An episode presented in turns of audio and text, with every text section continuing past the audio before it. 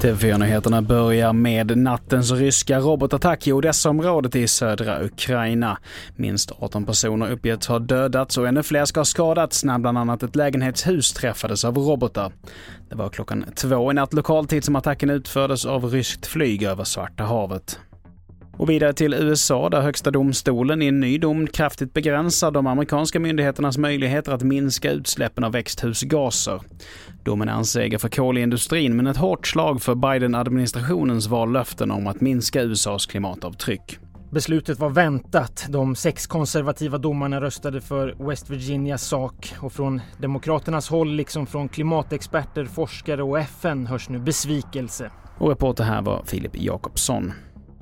Och till sist, det blev inget världsrekord för Aman Duplantis som hoppade 6 meter och 16 centimeter utomhus igår på Stockholms stadion. Duplantis har nämligen hoppat 4 centimeter högre inomhus och det internationella friidrottsförbundet gör ingen skillnad på prestationer inomhus och utomhus, trots att förutsättningarna är vitt skilda.